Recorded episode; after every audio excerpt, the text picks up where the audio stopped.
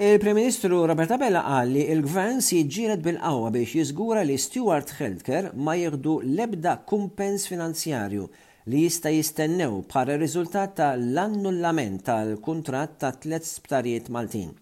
Waqt ir-reazzjonijiet tiegħu għal dan, il-Prim Ministru sostna li l-Gvern se jinsisti li jekk jitressaq xi appell dan jinstema' b'urġenza biex ikun hemm ċertezza legali kemm jista' jkun malajr. Il-Prim Ministru diġà indika li l-Gvern mhux se jappella għas-sentenza.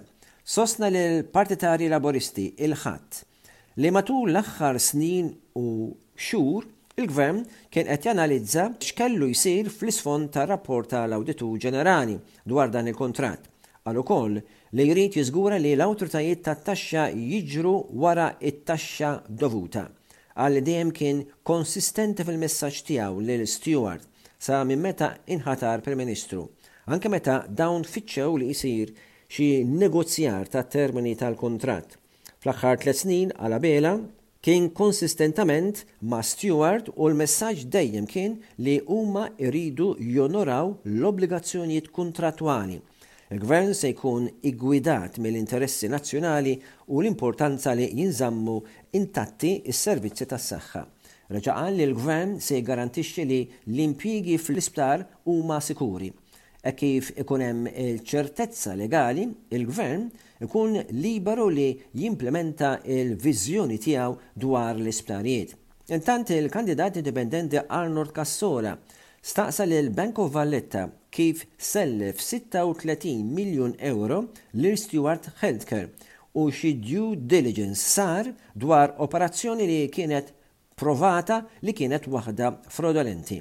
L-inkjesta dwar il-Vaitas uriet li l-BOV, fejn il-Gvern għandu l-isħma maġġoritarji, spiċċat biex il-BOV kien l-uniku bank li pprovda l-finanzjament lil Stewart Healthcare.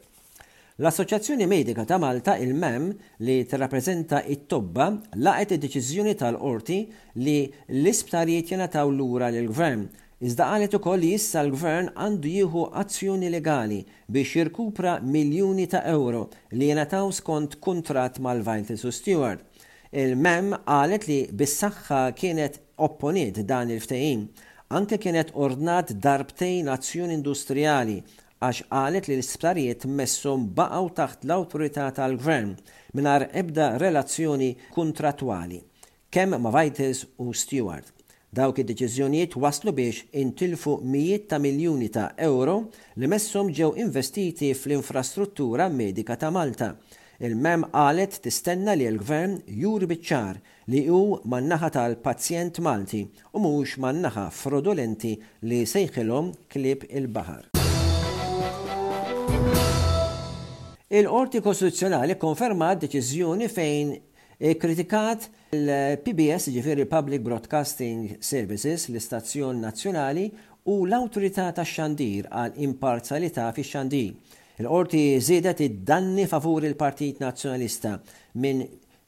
1,500 ewro għal 5,000 ewro kull wieħed. Is-sentenza oriġinali tal-Qorti ingħatat f'Lulju tas-sena l-oħra, f'każ li tressaq mill-Partit Nazzjonalista. Il-Qorti ddeċidiet li kemm l-Awtorità tax-Xandir u anke l-PBS naqsu li jiżguraw imparzjalità u tħaris kontra diskriminazzjoni fix-xandir. Il-każ kien tressaq fuq żewġ inċidenti separati, Il-Kap tal-Oppożizzjoni Bernard Grech laqa' d-deċiżjoni tal-Qorti.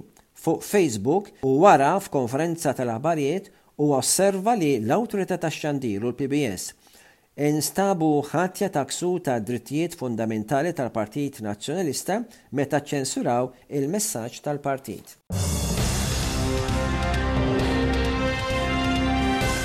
Il-koalizzjoni Inta Tista' Issalvani iltaqgħet mal-Prim Ministru Robert Abela f'Kastilja fejn ippreżentat it-tħassib tagħha dwar l-abbozz ippreżentat lill-Parlament. Erba' rappreżentanti ta' koalizzjoni spjegaw għaliex fil-forma preżenti tagħha l-abbozz jintroduċi l-abort. Il-koalizzjoni tenniet il-pożizzjoni tagħha u qalet li din l-emenda tippermetti l-abort għal kull raġuni li tinkludi s-saħħa mentali. Issostni li jekk tgħaddi l-emenda kif inhi, l-abort ikun daħal f'pajjiżna.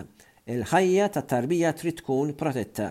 Il-koalizzjoni mhux kontra t-titjib tal-liġi attwali biex tipprovdi aktar ċarezza u protezzjoni lit-tobba u anke n-nisa li jiffaċċjaw komplikazzjonijiet ta' theddida għall-ħajja waqt għala u li jeħtieġu intervent mediku li jista' jipperikola l-ħajja tat-tarbija.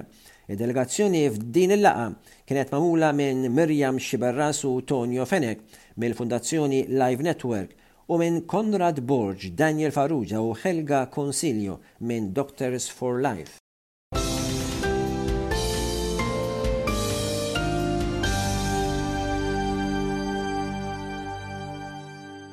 L-Erbgħa l-Gżejjer Maltin qamu miksija bi ċpar u ħxon fis-sigħat bikrin ta' filgħodu kif ukoll nida.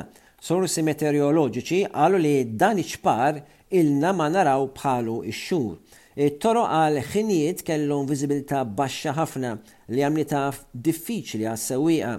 Dan iċ-ċpar fil-baxx affettwa wkoll ma' l-20 titjira skont kelliem tal-Ajruport Internazzjonali ta' Malta, u li wassal biex ittardjaw u ġew attivati proċeduri għal viżibilità baxxa mit-torri tal-kontroll tard fl-għaxra u kwart ta' filgħaxija tal-Erbgħa, u dan għaliex il-viżibilità kienet biss ta' 150 metru li imbagħad eventwalment niżlet għal 50 metru l-Ħamis filgħodu biċ-ċpar sfiq.